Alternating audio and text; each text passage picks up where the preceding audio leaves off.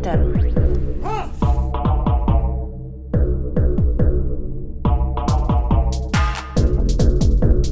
Berätta inte för mig om det svenska klassamhället.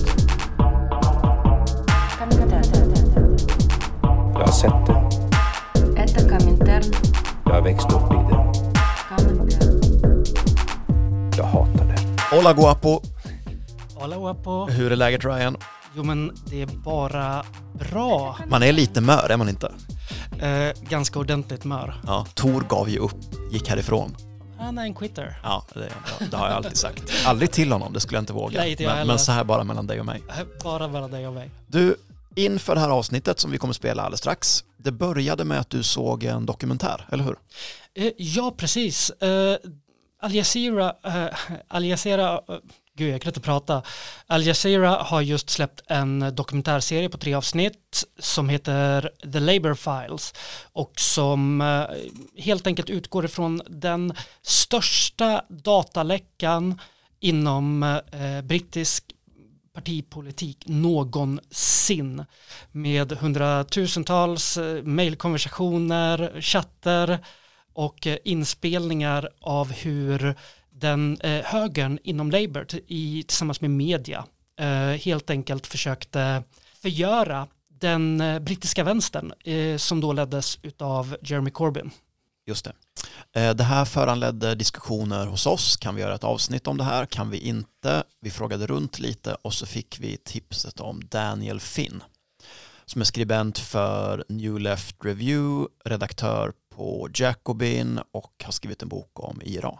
Exakt, och det var verkligen fantastiskt att få möjlighet att, att prata med honom. Han är väldigt kunnig i ämnet och vi har suttit nu i ganska länge i en eh, intervju. Eh, Det började såklart med att vi missförstod tidszon så vi satte oss här alldeles för tidigt. Ja, men man kan tänka att eh, de borde ha samma tidszon som oss ändå. Och sen så gaggade vi med Daniel i gott och väl två timmar va?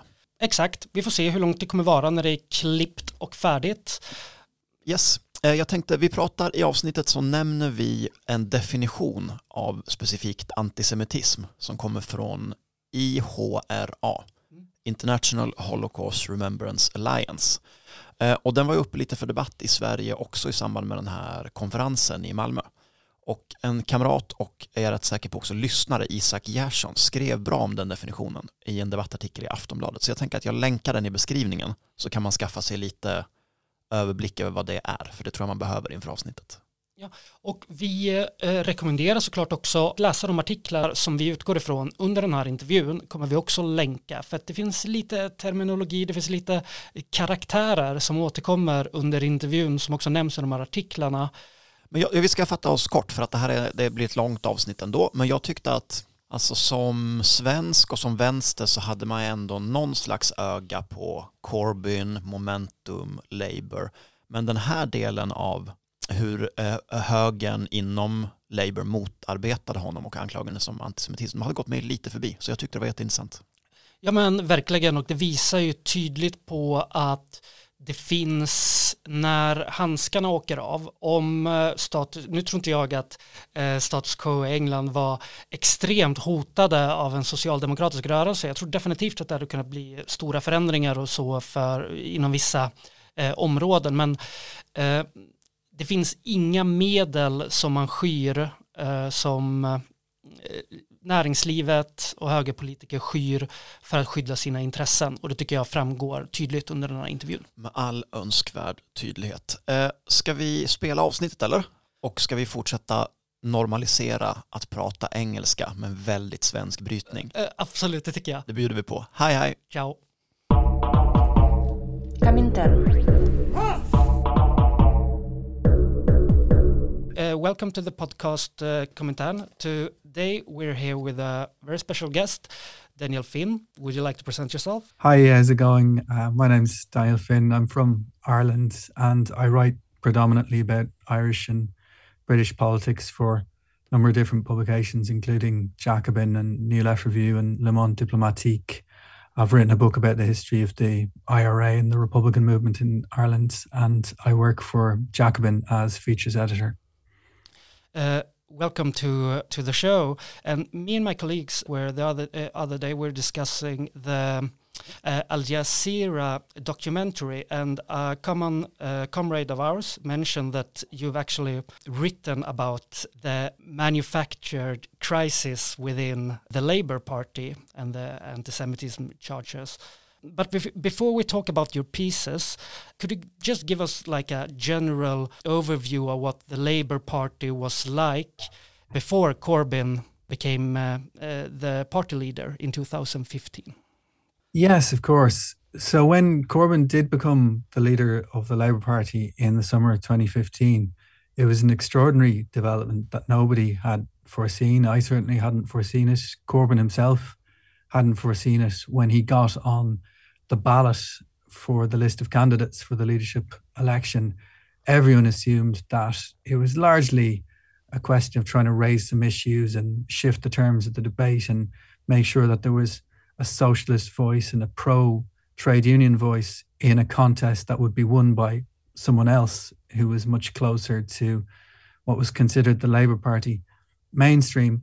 And what the Labour Party mainstream was at that time, it was little over two decades since Tony Blair had become the leader. Now, the Labour Party in Britain had always been a reformist party in the classical sense, a, a social democratic party, it did contain more radical tendencies because in British politics, the Labour Party also had an effective monopoly on the left wing space, certainly in electoral terms. The Communist Party was very small, even compared with the Communist Party in Sweden, let alone the Communist Party in France or Italy. So people who wanted something more radical than traditional social democracy were also there in the Labour Party trying to shift it further to the left. But the dominant tendency in the party was trying to carry out reforms within the framework of a capitalist economy, what they would call a mixed economy, where private ownership was dominant. Now, what changed under Blair was that the party increasingly moved away from any idea of representing the working class. Blair announced that he had set up a new movement called New Labour, and he was aggressively dismissive of the history of the Labour Party, not just the left wing, but even the right wing tendency in the Labour Party. He he dismissed them effectively as old hat, historical junk, and went out of his way to, on the one hand, distance the party from the organised working class represented by the trade unions, and to embrace the world of business and the world of big money. And so, all through the Blair years, the the starting point you could say for Blairism was full acceptance of the neoliberal reforms that have been carried out by the Thatcher government in the 1980s, all of the privatizations and liberalizations of the financial system, and the anti-trade union laws. That was one of Blair's firm commitments to business. That w- was that he would keep these extremely restrictive anti-union laws that were passed by Thatcher, and that was what Blair did all through the late 90s and into the 2000s in some areas, he actually pushed marketization into areas that the Tories hadn't brought it into, fields like healthcare and education. His Chancellor, Gordon Brown, did increase public spending and increase spending on public services such as health and education, but that was largely paid for by the tax receipts from this neoliberal financialized economic model coming from the City of London. There was no attempt to basically transform that economic model to restore manufacturing, to correct some of the regional imbalances. So when the crash of 2008 happened, the whole thing came down like a house of cards. When the Tories came back to power in 2010, they effectively trashed any of the very small reforms or modest increases in public spending that the Labour Party had carried out. And there was the decade of austerity in Britain then, when billions and billions of pounds were being taken out of public services, wages were stagnating. One extraordinary fact about Britain in the decade after the crash, which helps explain so much about the chaos of British politics in the last decade, is the fact that British workers experienced a pay cut in real terms of 10% between 2008 and 2016. And the only country in Western Europe in the EU 15, where there was a bigger pay cut for workers was in Greece, which is extraordinary. And even then, it was only by a small margin. It was about 11% in Greece and 10% in Britain. Of course, Britain hadn't gone through anything like the same experience as Greece with being a ward of the Troika and having to carry out these extraordinary austerity programs and um, 25, 30% unemployment and so on. But, but still, the working class in Britain was held down to the extent that you could have 10% cut in real wages, along with, with all the other problems that were going on, people having to rely on food banks to just to feed their family, millions of people having to rely on food banks, which is where people donate packages of food, individuals and businesses, so that other people can have something to eat. Now, this was the context in which Jeremy Corbyn stood for the Labour leadership. And the reason why he won, the first point was that the system for electing a leader had been changed so that it was now the party members who decided on the leader, which is sometimes the case in, in other European parties, but it hadn't been the case in the British Labour Party before. And the people who brought in this reform had no idea that the membership would vote in a couple of years' time for someone like Jeremy Corbyn. The, the other main reason that he won was that all of the other candidates against whom he was standing fell in line behind the Tory consensus on austerity. And they were critical of the last Labour government, but they weren't critical of the last Labour government for having left this Thatcher economic model unreformed or for having let the City of London and the financial sector run wild, which is why the impact of the crash in, in 2008 was so great. They criticised the last Labour government for having spent too much on public services and supposedly for having let public spending get out of control. And it's the classic austerity consensus that the Tories had done so much to, to promote after 2010. David Cameron, who was the Prime Minister, and George Osborne, who was his Chancellor. So all of these candidates were actually taking up a position to the right of Tony Blair in, in terms of what Tony Blair had done in government. And extraordinarily, Jeremy Corbyn, who came from the left of the party, was the only one who was defending the record of the Blair Brown government when it came to public spending and public services. During the course of that leadership election, the, the caretaker leader insisted that Labour MPs would abstain on a new bill that was being brought in by the Tories to cut welfare. And this was meant to be a gesture to show that they were in, in line with the economic orthodoxy so the membership gravitated towards Corbyn, who was the, the only candidate who was articulating even a very minimal social democratic agenda, let alone something more radical than that. So he became the leader with, with a landslide mandate from the, the membership. But he came up immediately against strong opposition from the right wing of the party, which was dominant in the parliamentary group. You're, you're talking about over 200 Labour MPs, most of whom came of age in the Blair years in the 90s and, and the 2000s. And so it wasn't even a question of them feeling that the, the Blair Brown approach to Labour politics was the right one, having chosen between several different options. They didn't just think it was the right one, they thought it was the only conceivable one. They had come of age in the period between the collapse of the Soviet Union, um, the victories of Thatcher and Reagan, the Washington Consensus being consolidated through the World Bank and the IMF.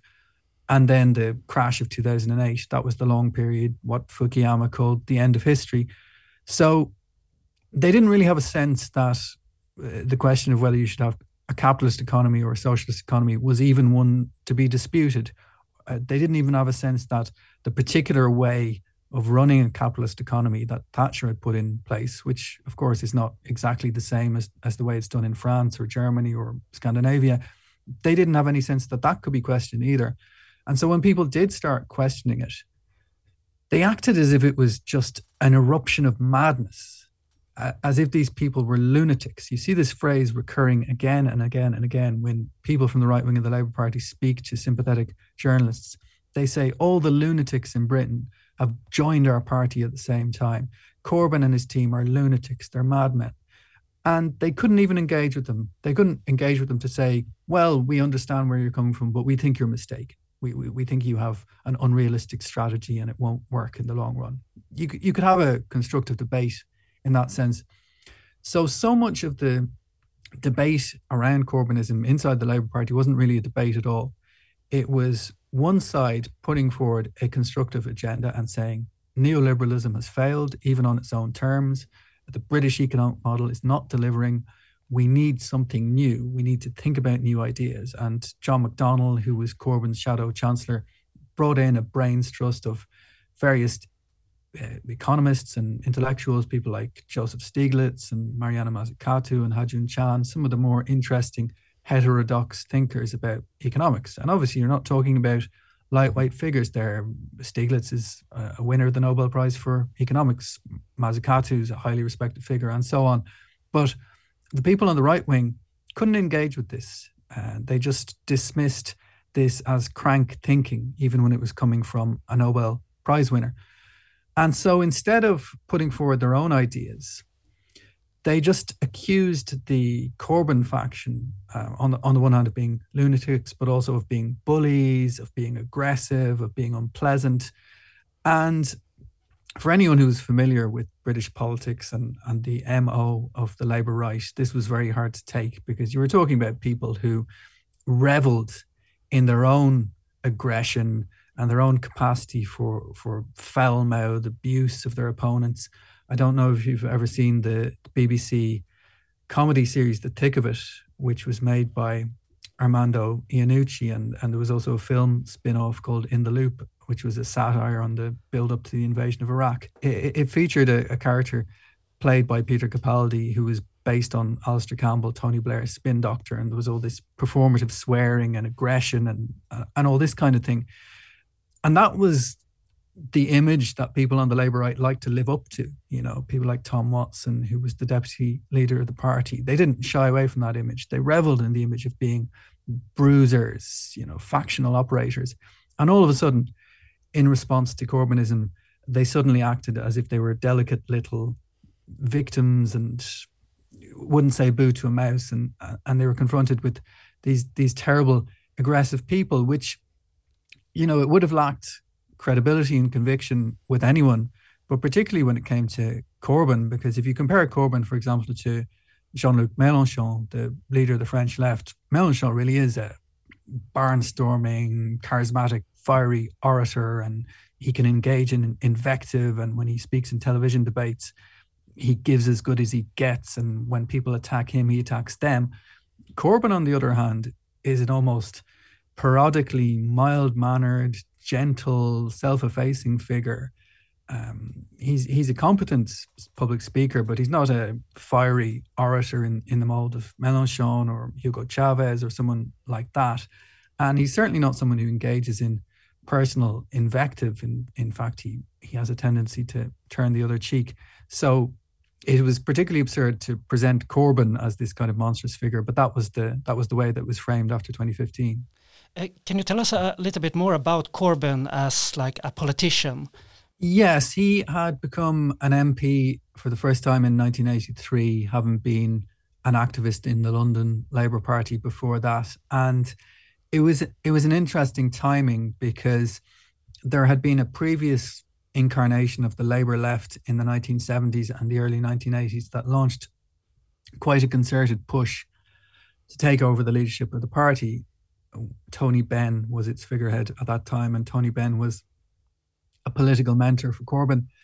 But by the time of Corbyn's arrival in Westminster as an MP for a North London constituency in 1983, the Labour left had been defeated.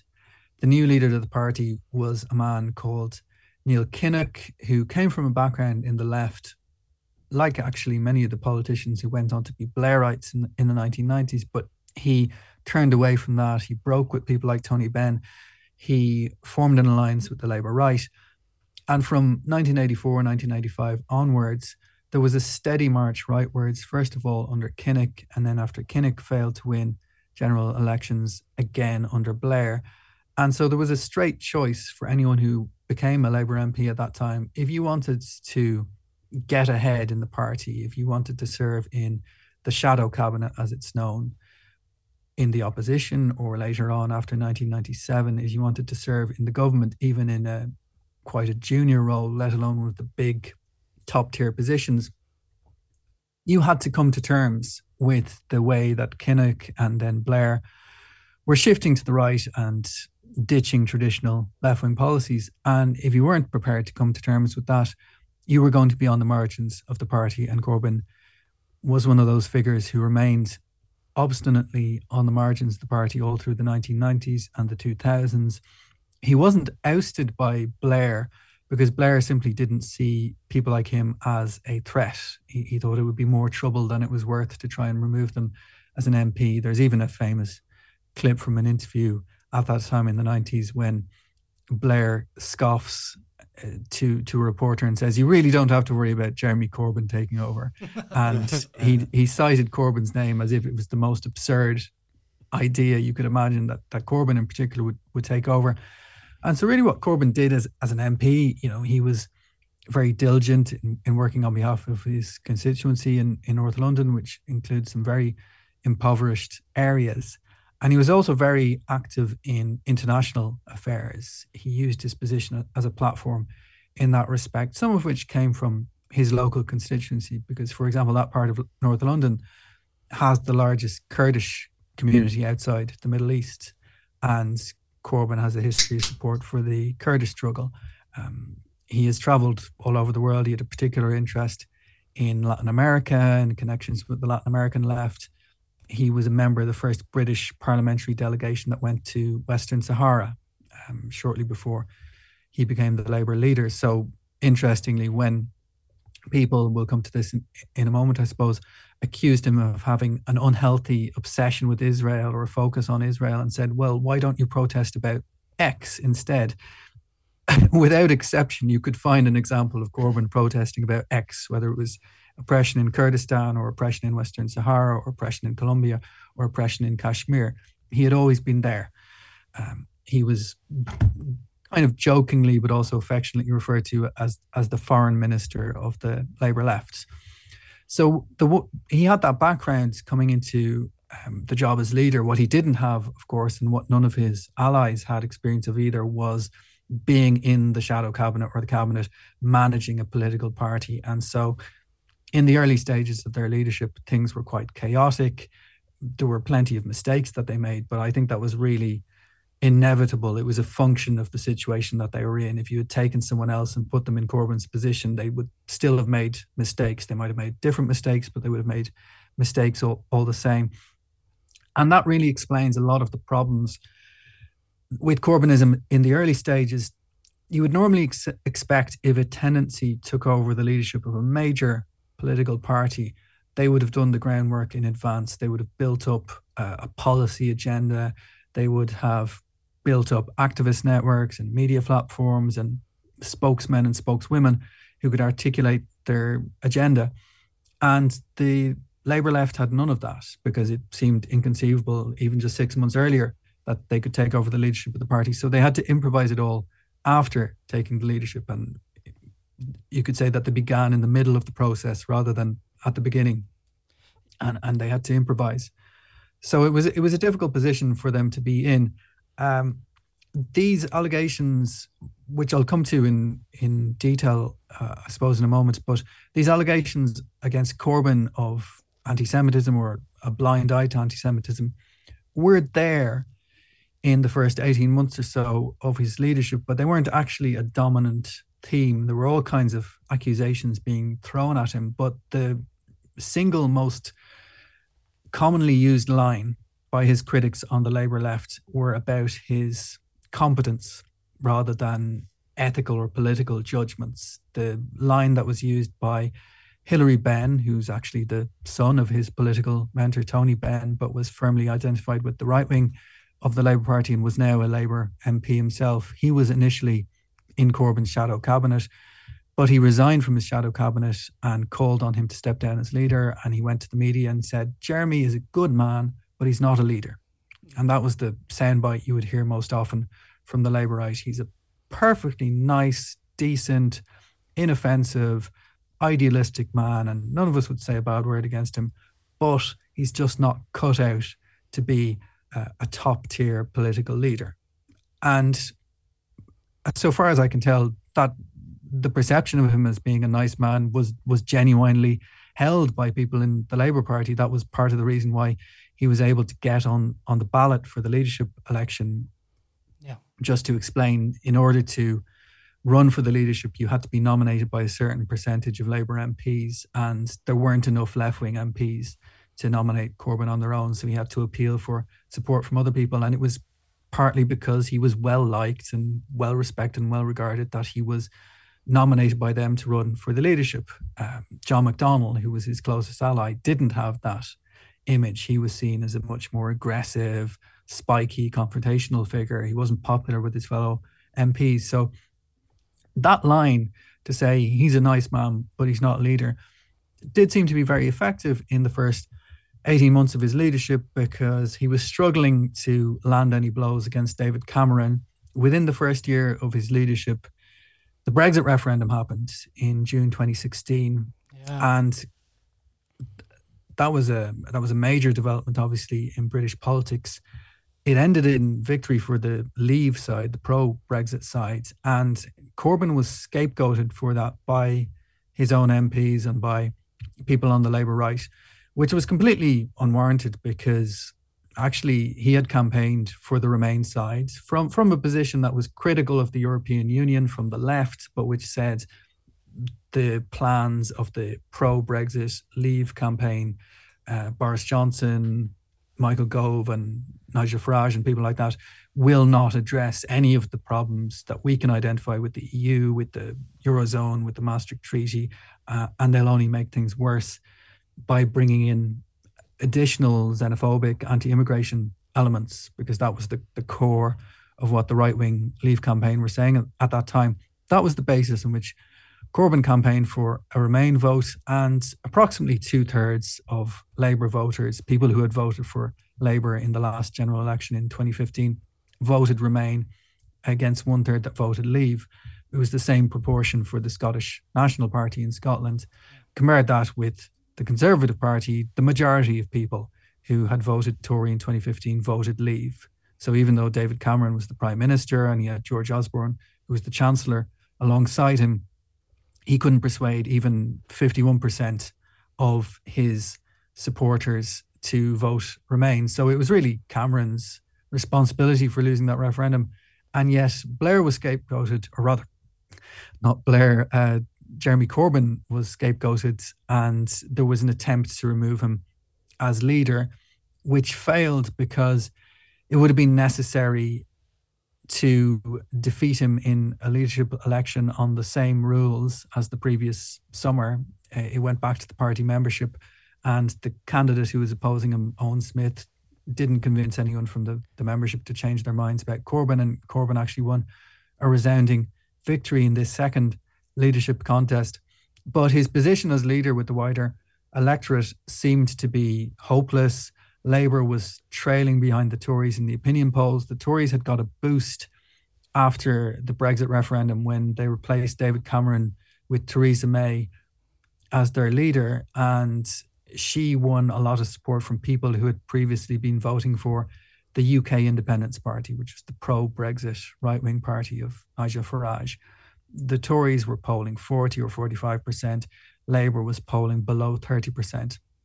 And coming into the opening months of 2017, it seemed to anyone who was familiar with British politics and, and precedents that if there was going to be an election held in the short term, Labour would be absolutely hammered and they would suffer an historic defeat, even bigger than their defeat in 1983, which was legendary as, as their worst defeat in modern times.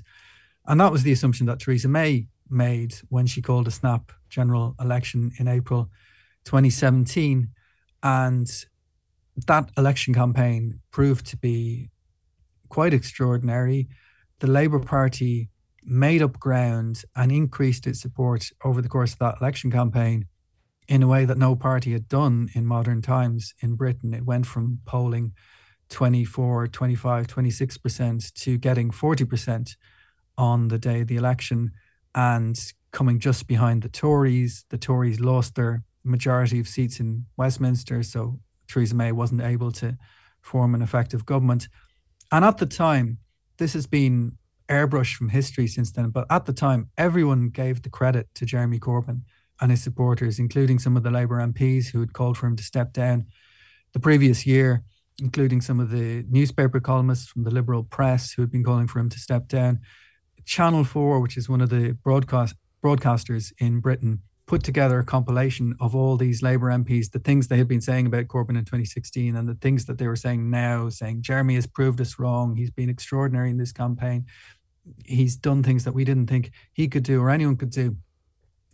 And that was the that was the situation in which this controversy about anti-Semitism flared up again. And this is where you see the shift where people can no longer say Jeremy is a nice man, but he's not a leader, the line changes to say, well, Jeremy may be a leader, but he's not a nice man and he's not a good man and he shouldn't be prime minister, even if he might be capable of becoming prime minister. And that's where this controversy really comes into play. Yeah, thank you so much for, for giving us some background, Daniel. Uh, before we, we move on, I, I think speaking about the Labour left and about Corbyn, would you like to say something briefly about the momentum movement? What was it? How was how was it connected to Jeremy Corbyn? Yes. So when Corbyn became leader, momentum was set up by one of his supporters, Jon Lansman, who was a veteran of the Labour, not an MP, but an activist and an organizer, also going back to the days of Tony Benn in the 1970s and 1980s. And it was an attempt to develop an activist network for Labour members who supported Corbyn.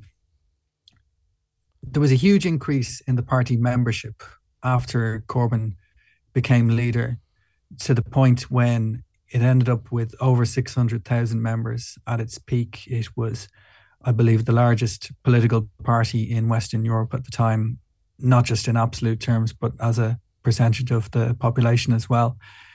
Out of that, the majority of people who had signed up to support Jeremy Corbyn were not activists, and the structures of the Labour Party didn't really encourage them to be activists. It was a party that was geared towards election campaigns, mobilizing people as canvassers in election campaigns rather than having lively branch meetings that would engage in political discussion and education and campaigning between elections as well. So momentum was one attempt to mobilize those members. There was also a trade union left. Some of the trade unions that were affiliated to the Labour Party had left wing leadership teams. And the most important of them was Unite, which is one of the biggest unions in Britain and was led at the time by a man called Len McCluskey. So the two, you could say, organized institutional actors on the Labour left that were most important were Unite and Momentum, and people from a background in either Unite or Momentum often went to work directly for the Labour Party, such as James Schneider, who was a leading activist in Momentum and went to work in Corbyn's office, or Jennie Formby, who was a Unite trade union official and went to work as the Labour General Secretary. So over the course of the period between 2015 and 2019, I would say the main role that Momentum played was in terms of inner party elections, it mobilized members to vote for left wing candidates, particularly for the Labour National Executive, which is the main power block outside of the parliamentary group for the party. And they did a pretty good job of mobilizing people in that way. And then also in the 2017 election, they mobilized people to canvass for the Labour Party and they did it in quite an unorthodox way. Might seem surprising, but the traditional practice for the Labour Party when they went knocking on people's doors was not to try and engage in persuasion. It was simply to find out who their voters already were, people who were already convinced to vote for the Labour Party, and make sure that they turned up on election day. Whereas the new activist people who'd been mobilized by Momentum were actually trying to motivate people to change their minds, you know, not, not by lecturing them and telling them that they were wrong, but by engaging in conversations and either persuading them not to vote for the Conservative Party or persuading them to vote when they didn't think that there was any point in voting. So it was again, I think, universally recognized that Momentum was very effective in doing that for the 2017 election campaign and also in the 2019 general election, although that was not a successful one for the Labour Party, but they managed to, to mobilize people to campaign for Labour in, in very unpromising circumstances, where they didn't really achieve what they might have wanted to achieve and perhaps could have achieved was in terms of lasting internal transformation of the Labour Party. There was a lot of talk about deselection of MPs, which means when you have a sitting MP who's already in Westminster, who is the official Labour candidate, that they would have to go through a competitive process with other potential candidates to get the Labour nomination next time, which would have been absolutely essential if you, if you were going to transform the balance of force from shift it from the right to the left inside the Labour Party. You would have had to replace many of the sitting MPs, but neither Momentum nor Unite nor Corbynism in general was, was very successful in getting that done. And it's funny to think that the way momentum was spoken about in the British media was as if it was a kind of well organized, well drilled Trotskyist cadre group. People often referred back to the militant tendency, which was a Trotskyist group that had been active in the Labour Party in the 1970s and, and the 1980s, and which had some influence. There were a handful of Labour MPs who were supporters of the militant tendency, and it was the dominant group on the city council in Liverpool. But Momentum really was not like that kind of group at all. And I, am someone who I'm not a Trotskyist myself, but I'm sympathetic to that tradition and I can see virtues in it as well as flaws. And I think there are serious flaws in the model of a, a Trotskyist or Leninist cadre group, but it does also have a positive side to it in terms of efficiency and rallying people and, and getting things done. And the model that Momentum adopted was a bit more amorphous and in some ways reminiscent of the way Podemos organized that. If you remember in the early years of Podemos, yeah. Pablo Iglesias and, and people around him said, We're going to have a model of online democracy, online plebiscites. But in practice, that means more power at the center rather than more power to the membership. And Momentum was in some ways following a similar model. Comintern. Thank you, Daniel. And now a short message from one of our listeners. Hej Kominterns lyssnare. Jag heter Johan och jobbar på tidningen Arbetaren. Vi vet att den här podden har några av Sveriges smartaste lyssnare. Därför tror vi egentligen inte att vi behöver berätta för dig om varför en antifascistisk tidning behövs, nu kanske mer än någonsin. Men nu är det sagt, och vi behöver din hjälp. Under oktober har vi satt upp målet att nå över 2000 prenumeranter. Det skulle innebära att vi kan behålla vårt nuvarande pressstöd. 2000 prenumeranter innebär också att vi kan ha kvar ungefär två tjänster på tidningen. Två tjänster som gör att vi kan fortsätta att granska de så kallade entreprenörerna och arbetsköparna som försöker blåsa arbetare på löner och villkor.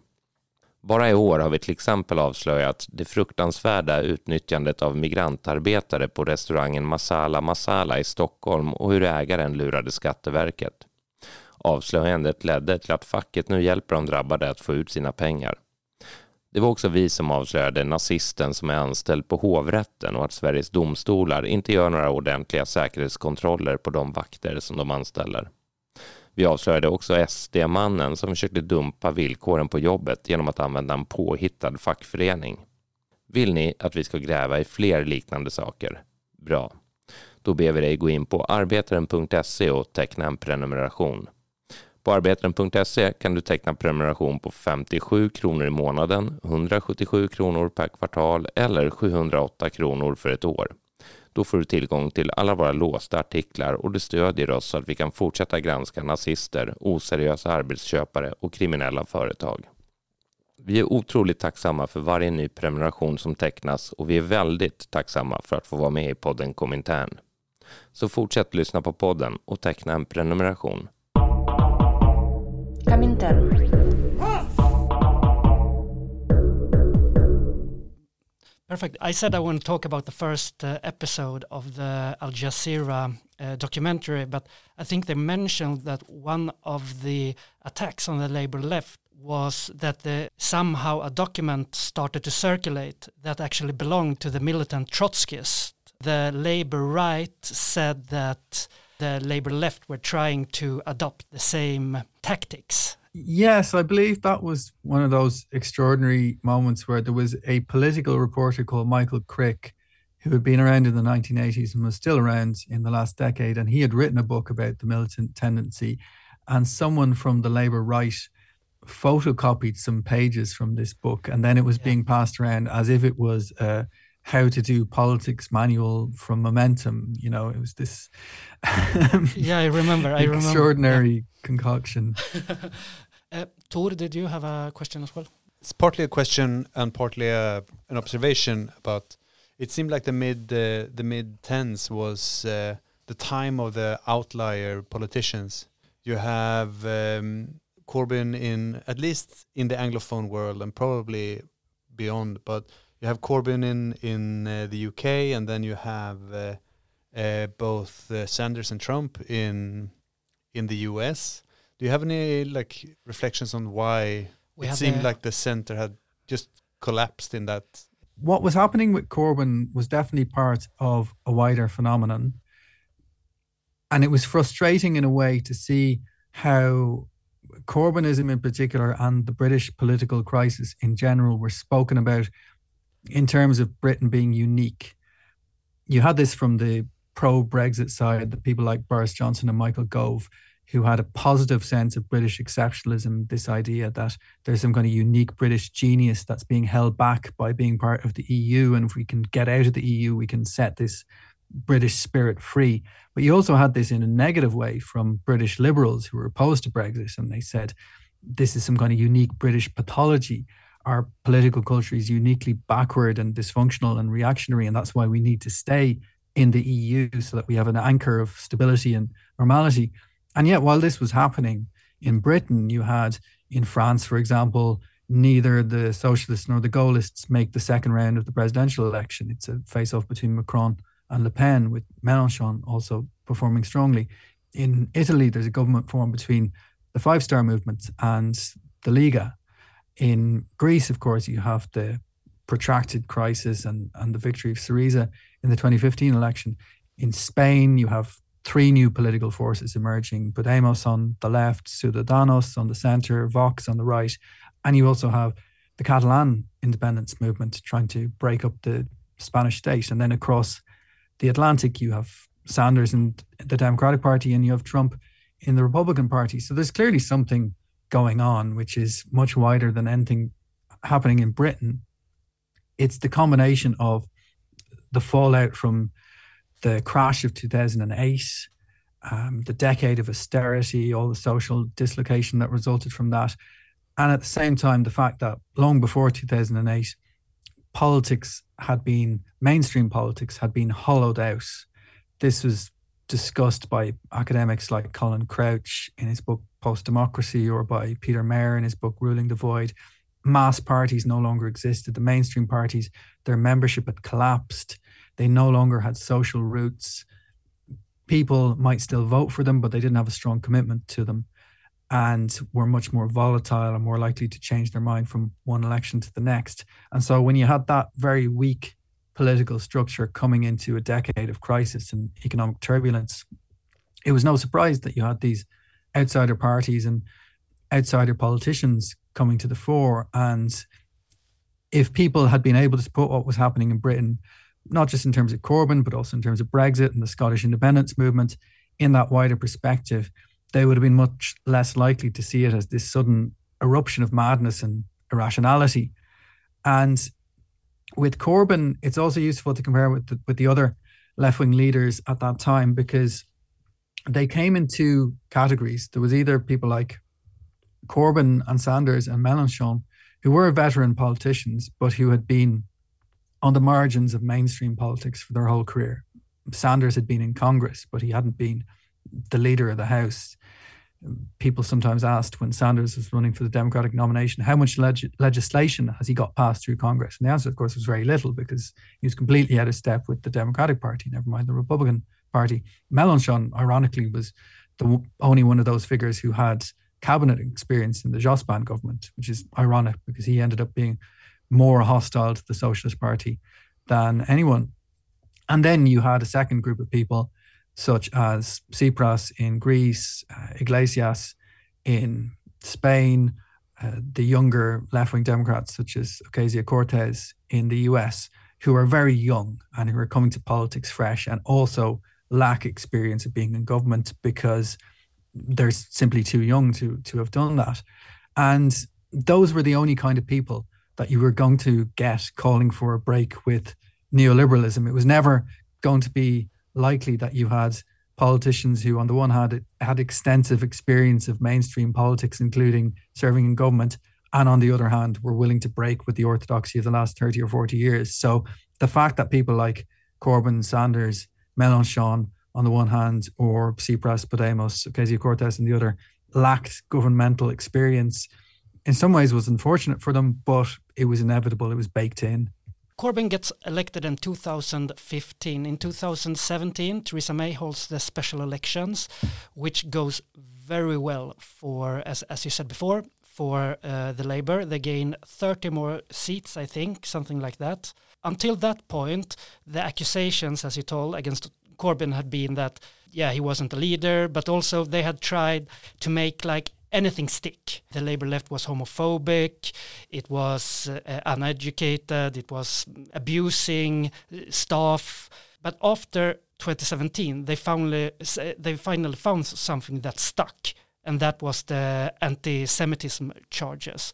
Uh, would you like uh, to please explain how it started and what the criticism of uh, against Corbyn and the Labour left was from from the uh, opponents within the Labour Party. Yes. So again, I think it's useful to see this in a comparative international perspective where it is by no means unique to the British Labour left that they are facing accusations of anti Semitism.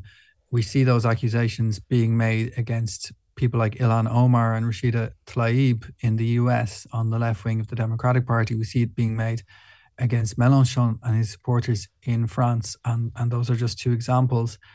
So, before you talk about it's not simply an empirical debate, and it never was in Britain either, where everyone agrees about what anti Semitism is in the first place, and then it's a debate about whether this particular accusation or allegation of anti Semitism is accurate or justified before you even get to that stage, there's a disagreement, and it's become one of the fiercest controversies of our time about what qualifies as anti Semitism and how that is related to attitudes to Israel and to Zionism. And this is something that's been discussed in a very good book published recently by Anthony Lerman called Whatever Happened to Anti Semitism, that Pluto published recently. And he traced the origins of this concept of what is known as the new anti Semitism and goes back in particular to the beginning of the Second Intifada after the collapse of the peace process and the Camp David talks. And this is a concept which says that the dominant contemporary form of anti Semitism expresses itself through attitudes to Israel. This is not some kind of hidden agenda. This is out in the open. This has been argued by academics in learned academic papers and reports and full length books. And then it was taken up by politicians and diplomats and campaigning organizations and media commentators, and of course, simplified and popularized in the process. So, very, very often, not always, but very, very often, when someone is accused of anti Semitism and you drill down into the substance of the accusation, you find that it is because of something that they have said about Israel or about Zionism. And that's certainly the case when it comes to Ilhan Omar and Rashida Tlaib. And the main Jewish community organizations in Britain are the Board of Deputies of British Jews, the Jewish Leadership Council, uh, the main publication is the Jewish Chronicle. They all work with this understanding of anti Semitism, this concept of anti Semitism as being inextricably linked to the opinions that people have about Israel and about Zionism. And it's very difficult to address this argument in the abstract because everyone in principle will agree that there are ways of talking about Israel and about Zionism that cross the line into anti Semitism. Most obviously, when people hold Jewish people everywhere in the world collectively responsible for what the Israeli state does, but there are other ways as well. So everyone would concede that in principle.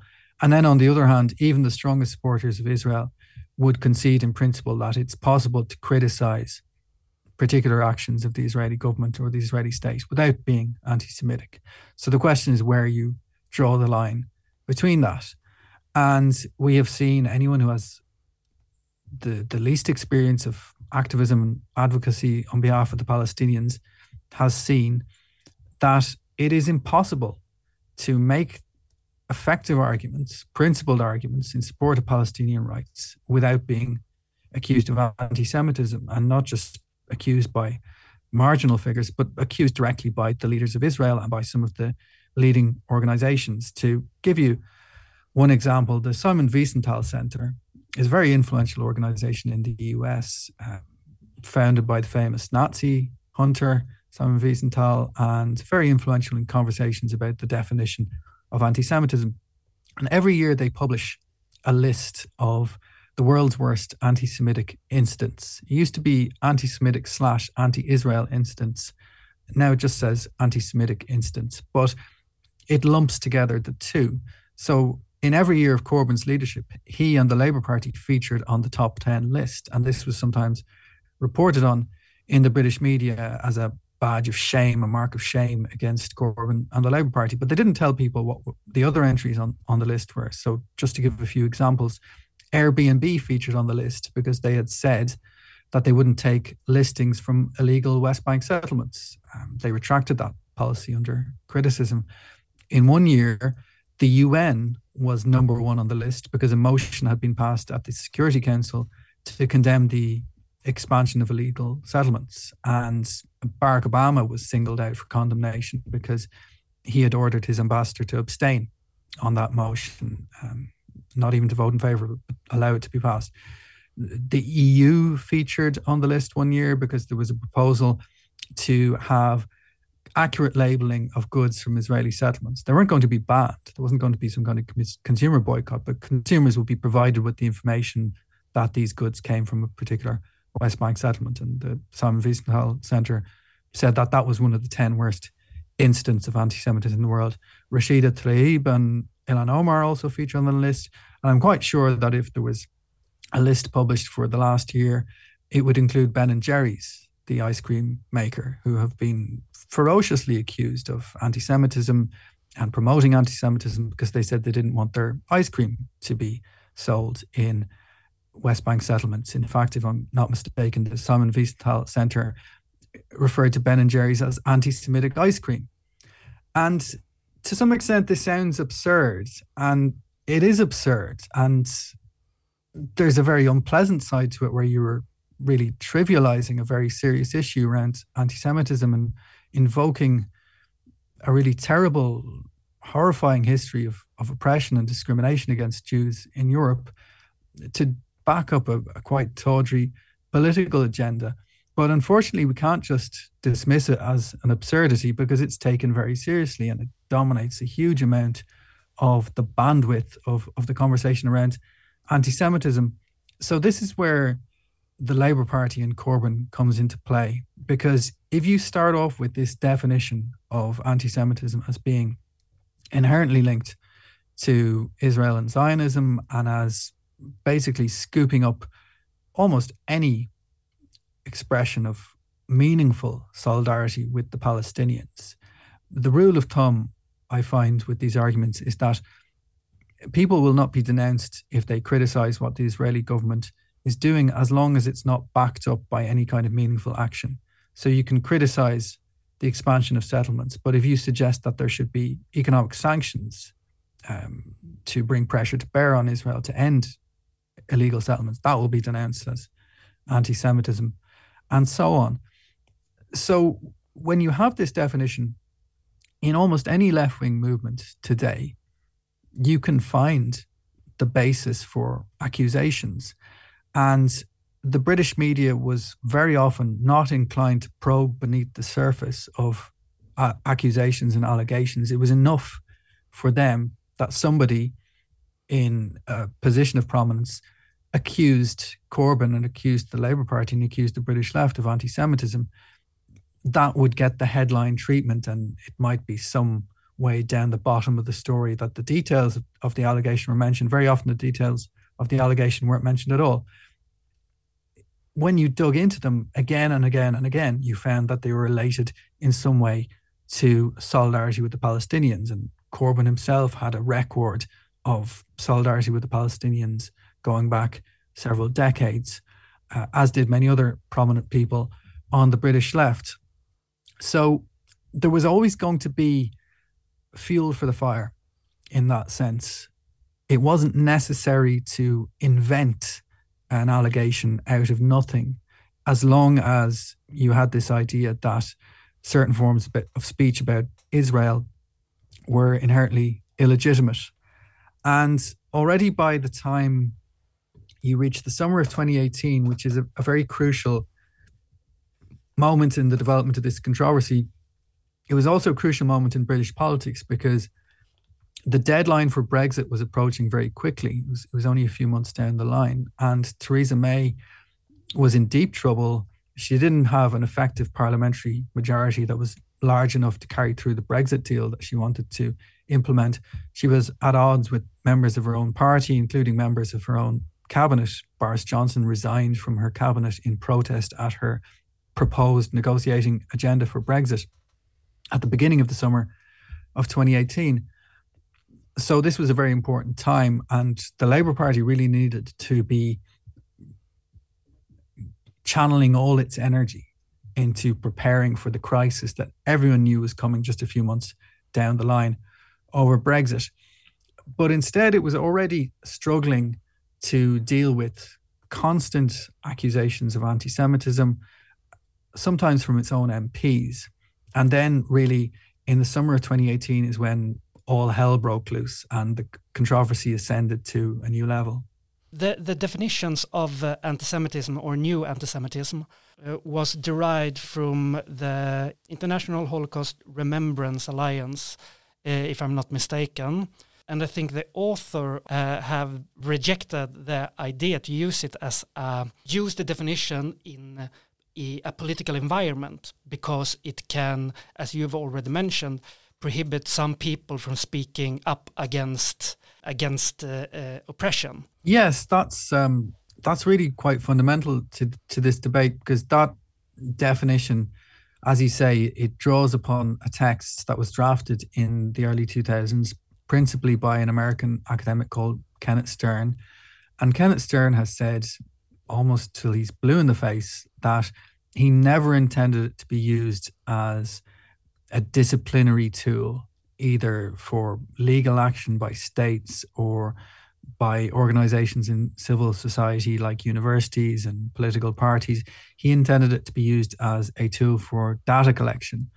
And if you read the definition, it's completely unfit for purpose as a disciplinary tool.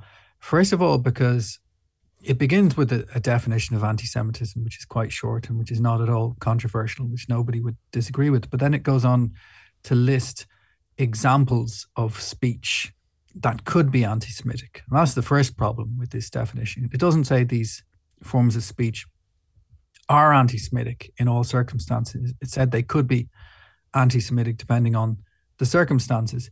And there are some of those examples they give. Nobody would dispute that they are anti Semitic in any circumstance, such as denying that the Holocaust took place or calling for Jewish people to be killed because they're Jewish. Nobody would dispute that. But there are several examples that are related to Israel. And the one that is particularly controversial, it is suggested that it is anti Semitic or that it could be anti Semitic to describe a state of Israel as a racist endeavor. And people could read that in different ways. For example, they might say it talks about a state of Israel rather than the state of Israel.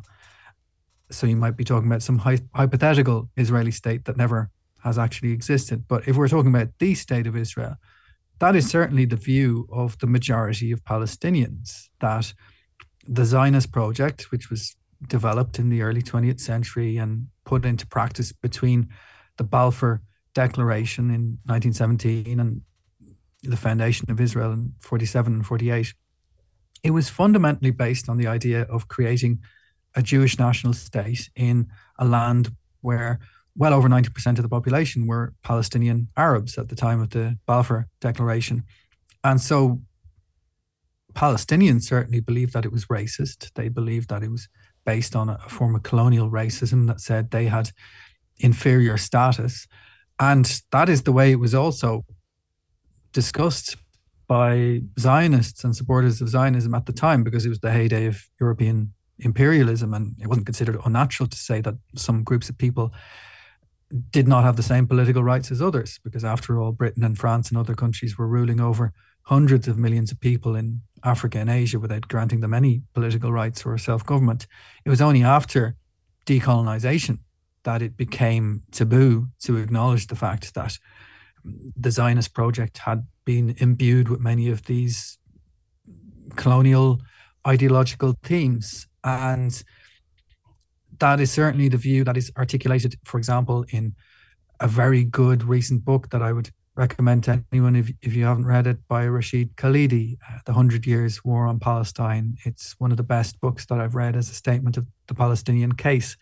And on a strict reading of the IHRA definition of anti Semitism, that book would be on the forbidden list because Khalidi argues in clear, unambiguous terms that the Zionist project was based on racist colonial premises. And he goes on to say, I should add, that even though Israel was formed in this way, we are now in a situation where Israel is reality and the existence of an Israeli Jewish national community is reality, and any long term peace settlement has to recognize that. And it could either be a partition of the land into two national states or a single binational state. So, this analysis of Israel as a settler colony doesn't imply that in the here and now, Israel should go or that the Israeli Jewish population should leave the Middle East. It doesn't imply that at all. But in terms of just basic historical accuracy, it is certainly the, the view that Palestinians have, and it is a view that they can back up with a wealth of evidence. And the advocates of a definition like that, not only are they saying, we don't accept that view, we, we don't accept the Palestinian view, we don't accept the view expressed by people like Rashid Khalidi and Edward Said and many other very articulate spokesmen for the Palestinian national cause. But we were saying that nobody should be able to support that view. We were saying that nobody should be able to articulate that view without being branded as an anti Semite. And this is where it came into play in the Labour Party because the Labour Party came under intense pressure to adopt this definition, lock, stock, and barrel, without altering so much as the smallest bit of punctuation, never mind the substance of the definition. And the national executive of the Labour Party, which had a left wing pro Corbyn majority at that time, said that they wanted to amend this code and alter the wording of the examples that were related to Israel in a way that protected the right of Palestinians and people who supported the Palestinians to speak freely about their own experience of, of racism and of oppression and violent dispossession. And this was the cue for the most extraordinary onslaught against Corbyn in the summer of 2018. It began with a Labour MP called Margaret Hodge, who was bitterly hostile to Corbyn on grounds of politics, but also, it seems, on personal grounds. And she delivered a tirade against Corbyn in the House of Commons, not in a formal parliamentary debate, but in the House of Commons when lots of MPs and journalists would be around. And we know that she prepared this tirade in advance and, and she even rehearsed it in advance and there was nothing spontaneous about it. But she screamed at Corbyn and called him an anti Semite and a racist, and then did a round of media interviews where she repeated these accusations against Corbyn. And following in through the breach opened up by Margaret Hodge, you had people like Stephen Pollard, who was the editor of the Jewish Chronicle, uh, publishing a statement which branded the Labour Party under Corbyn as an existential threat to Jewish life in Britain.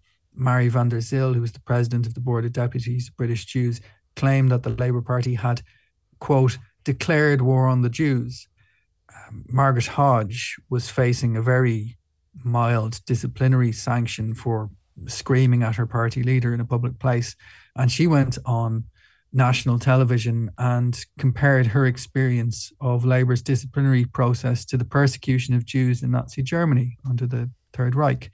So, this was the kind of rhetoric that was swirling around in the course of that summer in 2018. Really extraordinary and unprecedented.